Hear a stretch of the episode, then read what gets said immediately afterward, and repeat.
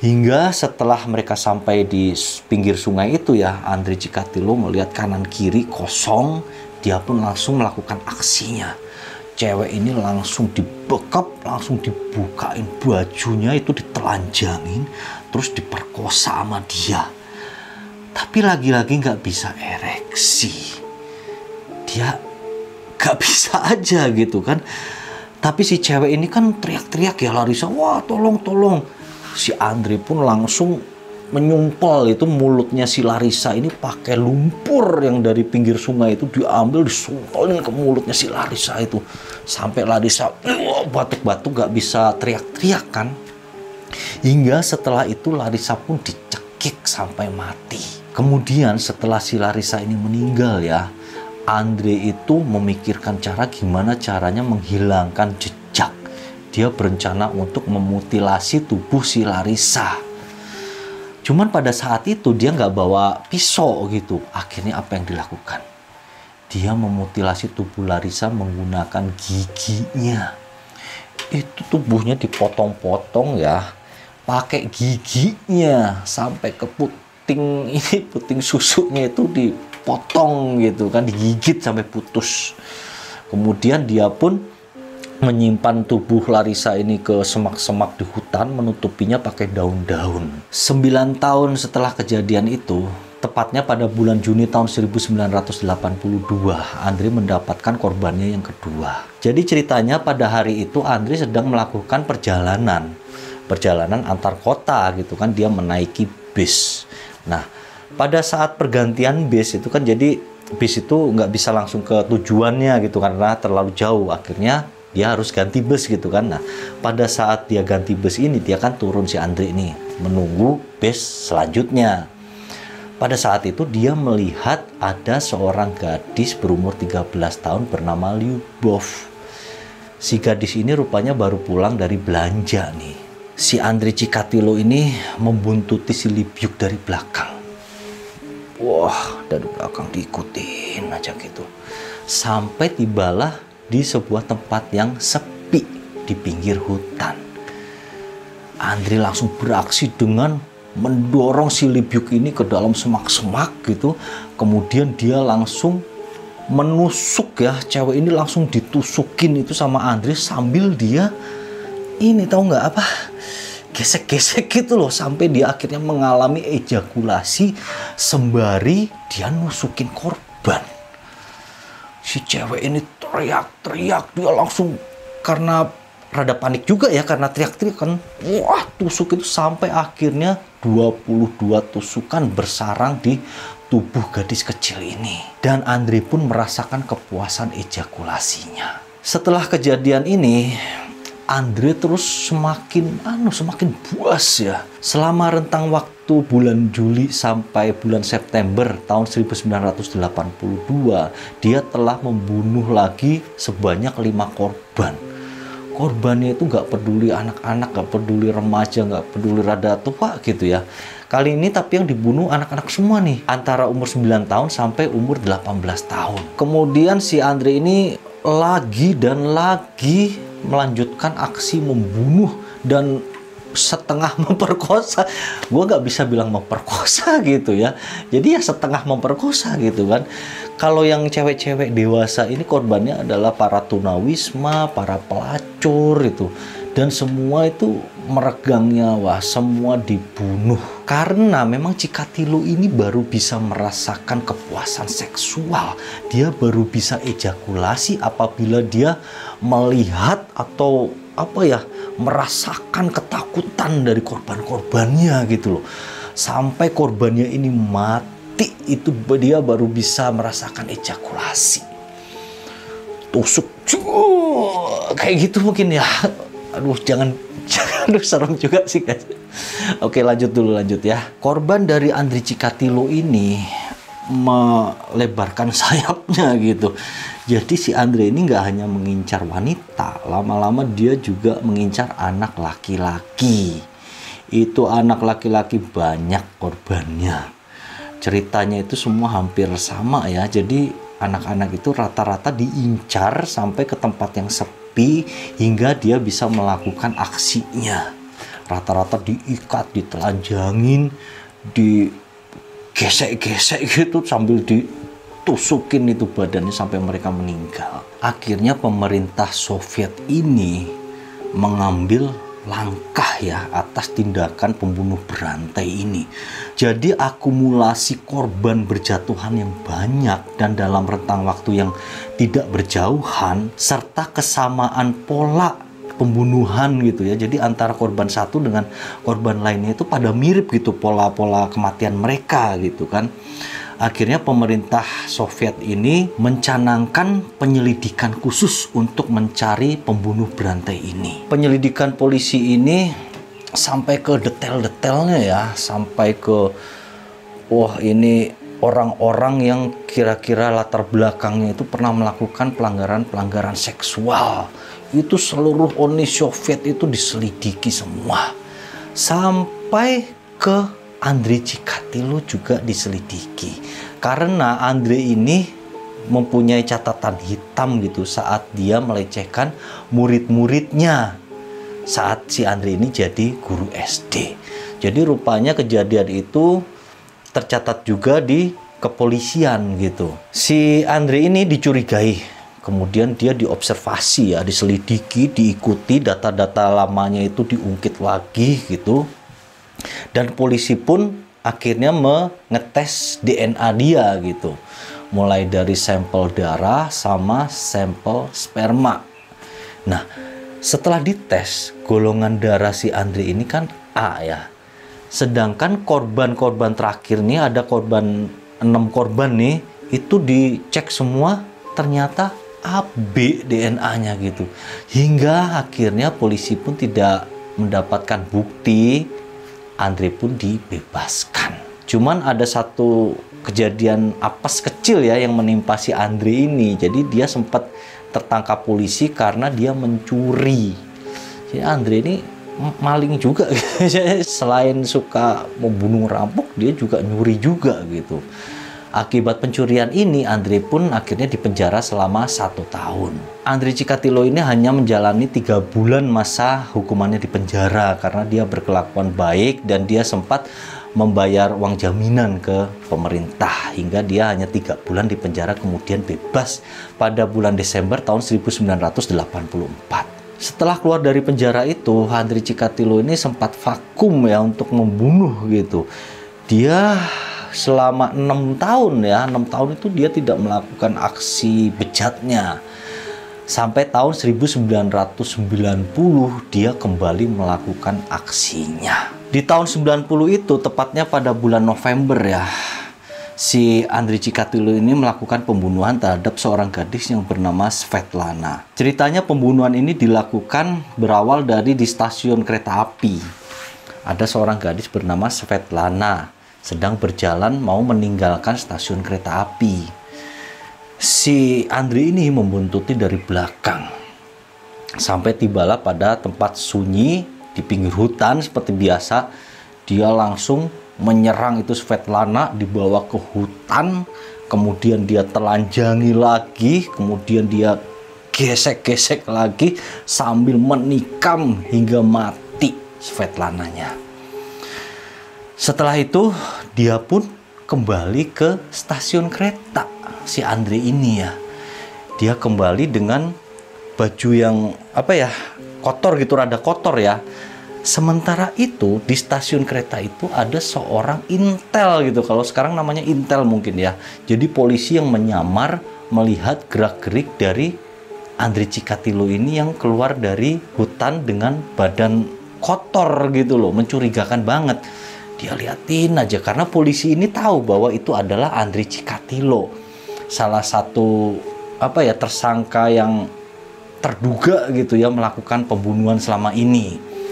Dia memperhatikan si Andri ini mencuci tangan. Udah mencuci tangan dia mencuci mukanya gitu. Cuman dia perhatikan ini kok di bajunya si Andre ini kenapa banyak rumput gitu ya. Terus di pipinya ini ada seperti noda darah gitu loh. Kemudian polisi ini pun menanyai si Andre Cikatilo Soalnya memang hutan itu nggak ada orang yang ke situ ya. Sebenarnya hutan itu hutan liar gitu. Hanya orang-orang yang mencari jamur seperti itu kan yang datang ke hutan itu. Dan si Andre ini dia itu pakaiannya bukan pakaian model orang yang lagi nyari jamur gitu. Tasnya juga bukan tas yang buat orang nyari jamur gitu kan. Setelah ditanyai Andre ini kemudian dia geledah itu isi tasnya si Andre setelah melakukan penggeledahan itu jadi hanya nanyain surat-surat pengenalnya si Andre segala macem ya cuman akhirnya polisi pun dengan berat hati melepaskan si Andre karena dia sama sekali tidak mempunyai bukti apa-apa. Setelah melepaskan si Andre Cikatilo, polisi pun kembali ke kantor polisinya. Dia membuat laporan tentang kejadian ini tadi bahwa saya telah menanyai seorang yang mencurigakan bernama Andri Cikatilo. Cuman pada hari itu ya cuman sekedar gitu aja ya, nggak ada pemeriksaan lanjut gitu. Hingga pada tanggal 13 November itu mayat Svetlana ditemukan. Polisi langsung ingat dengan laporan dari Intel tadi gitu kan bahwa kejadian itu di sekitar hutan itu. Mereka langsung mencocokkan bukti-bukti dan melihat apa tanda-tanda yang mencurigakan di hutan itu dan di mayat si tubuh Svetlana ini kan. Kemudian polisi pun langsung melakukan pengawasan terhadap Andre Cikatilo. Andre Cikatilo diawasi terus secara apa ya secara intens selama enam hari hingga pada tanggal 20 November jadi ceritanya si Andre Cikatilo ini sama sekali tidak tahu bahwa dia itu sedang diintai oleh kepolisian pada tanggal itu terlihat Andri Cikatilo ini keluar dari rumahnya membawa sebuah toples, jadi nggak tahu isinya apa gitu ya.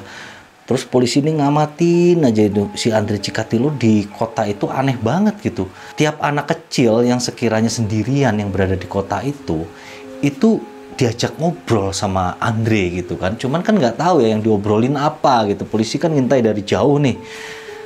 Jadi sampai ada 5-6 anak itu semua diajak ngobrol sama si Andre. Cuman waktu itu hanya ngobrol doang gitu tidak ada aksi lanjutan gitu. Kalau menurut gue kayaknya itu anak pinter gitu ya nolak gitu atau gimana ngelawan gitu hingga tidak mau diajak oleh Andre ini ke suatu tempat. Sepertinya seperti itu. Karena perilaku yang mencurigakan dari Andre akhirnya polisi pun langsung bergerak untuk menangkap Andre mereka membawa si Andre ini ke kantor polisi dan menanyainya. Di kantor polisi, Andre Cikatilo ini menampik ya tuduhan nama polisi gitu. Dia bilang, ah gua udah pernah ditangkap tahun 84. Dicurigai seperti ini udah pernah. Coba kan bukan saya pelakunya, bukan saya pelakunya gitu kata si Andre kan. Tapi polisi itu melihat ada tanda luka ya di jari si Andre Cikatilo ini dia menghubungkan dengan ada salah satu korban. Jadi korban itu emang seorang laki-laki yang badannya atletis tegap kuat sepertinya ya. Jadi mereka menganggap bahwa korban itu sebelum meninggal terjadi pergumulan dengan sang pelaku gitu. Dia atau polisi itu memperkirakan bahwa Andre Cikatilo itu adalah pelakunya karena berdasarkan dari luka yang ada di jari Andri Cikatilu ini. Tapi polisi tidak percaya ya dengan pengakuan Andri ini. Andri kemudian dijebloskan di sel penjara yang berada di Rostov. Kemudian Andri kembali menjalani tes DNA. Sampel darah Andri ini diambil. Setelah dites, sampel darahnya Andri ini ternyata adalah golongan A gitu. Padahal korban-korban selama ini adalah golongan AB. Berdasarkan dari sperma itu ya yang berada di korban-korban itu kan. Cuman ternyata si Andre ini setelah dites darah golongannya A, beda. Sampai kemudian polisi pun akhirnya kan bingung ya. Semua bukti atau semua apa ya rentetan peristiwa selama ini tuh mengarah kepada Andre Cikatilo gitu loh tapi kenapa kalau dites DNA itu beda? Kemudian polisi pun akhirnya mencoba untuk mengetes golongan apa ya dari spermanya si Andri Cikatilu ini. Nah, setelah dites tes DNA melalui spermanya ini. Ternyata itu adalah golongan AB. Sama dengan mayat-mayat yang selama ini ditemukan itu semua rata-rata adalah DNA-nya AB. Rupanya Andre Cikatilo ini termasuk manusia yang unik. Jadi antara darah, air liur, dan sperma itu golongan DNA-nya bisa beda. Kalau gue nggak ngerti masalah kedokteran sih, jadi gue nggak bisa komen ini masalah ini. Cuman aneh aja gitu ya. Satu orang DNA-nya bisa dua macam itu kan aneh ya. Si Andre ini darahnya itu adalah A, air liurnya A, tapi spermanya AB. Akhirnya dari bukti yang terakhir ini, polisi pun yakin bahwa pelakunya adalah Andre Cikatilo. Cuman meskipun sudah ada bukti kuat ya berdasarkan DNA sperma itu, Andre itu tetap ngotot bukan gue pelakunya, bukan saya pelakunya. Dia nggak mau ngaku sama sekali. Hingga polisi pun melakukan investigasi terhadap Andre ini dengan segala cara agar si Andre ini mau mengaku. Mereka menginvestigasi ini Andre dengan cara kekerasan, dengan cara psikiater, kedokteran segala macam kan. Nah, berhasilnya itu adalah investigasi secara lembut. Jadi lewat seorang psikologi. Setelah tanya jawab segala macam ya kepada si Andre ini sama psikologis ini, Andre ini akhirnya pun mengaku jadi rupanya psikologis ini pinter banget ya soal kejiwaan gitu ya. Bahkan si Andre ini sampai sempat menangis gitu loh. Entah yang diobrolin apa gitu mereka ini. Sampai Andre ini menangis, menyesali perbuatannya dan dia pun akhirnya mengaku. Andre pun sampai membuka ya semua jejak kejahatan dan korban-korban ini kepada polisi dia memberitahu di mana korban-korban itu dibunuhnya, rentetan kejadiannya seperti apa, siapa saja yang dibunuh, ada berapa orang yang dibunuh, itu semua dibuka kepada kepolisian. Cikatilo mengaku bahwa dia telah membunuh sebanyak 56 korban. Cuman kepolisian karena dari 56 itu ada tiga korban yang kepolisian tidak dapat mengidentifikasi ya dengan pasti gitu korban itu. Akhirnya kepolisian mengeluarkan pernyataan resmi bahwa Cikatilo itu telah membunuh korban sebanyak 53 orang antara rentang tahun 1978 sampai tahun 1990. Hingga Cikatilo pun akhirnya dijebloskan ke penjara sambil menunggu masa persidangan nanti yang akan dilaksanakan pada tanggal 14 April tahun 1992. Selama di penjara, Cikatilo ini juga di tes ya dengan ujian kejiwaan gitu. Kejiwaan dia ini gimana? Cikatilo ini orang gila apa enggak gitu kan? Akhirnya dilakukan tes kepada si Cikatilo ini. Memang tim dari kedokteran kepolisian itu mengakui bahwa Cikatilo ini benar ya. Jadi dia itu kejiwaannya terganggu gitu. Rada-rada stres gitu ya. Mungkin akibat dari pengalaman masa kecil sampai ke remaja itu kan benar-benar nyiksa batin dia gitu kan. Tapi itu semua masih dalam batas wajar gitu ya. Maksudnya dia itu memang mengalami gangguan kejiwaan yang lumayan parah tapi tidak bisa disebut sebagai orang gila. Belum bisa disebut sebagai orang gila. Sehingga Andri Cikatilo ini layak untuk diadili seperti manusia normal pada umumnya. Hingga pada tanggal 15 Oktober tahun 1992,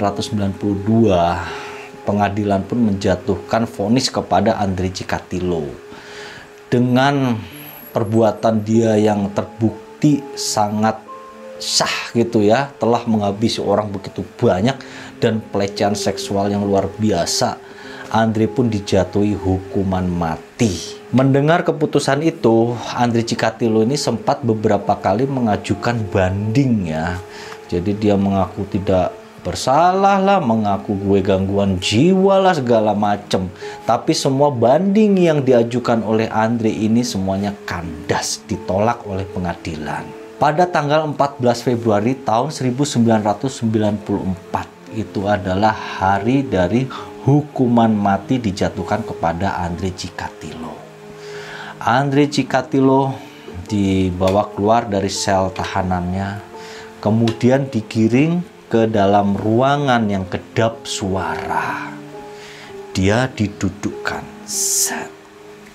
Setelah itu polisi dari belakang ini hukuman matinya nggak neko-neko ya, nggak macem-macem gitu. Begitu si Andre duduk, dari belakang polisi langsung mengeluarkan pistol dan mengarahkan ke belakang telinga Andre Cikatilo.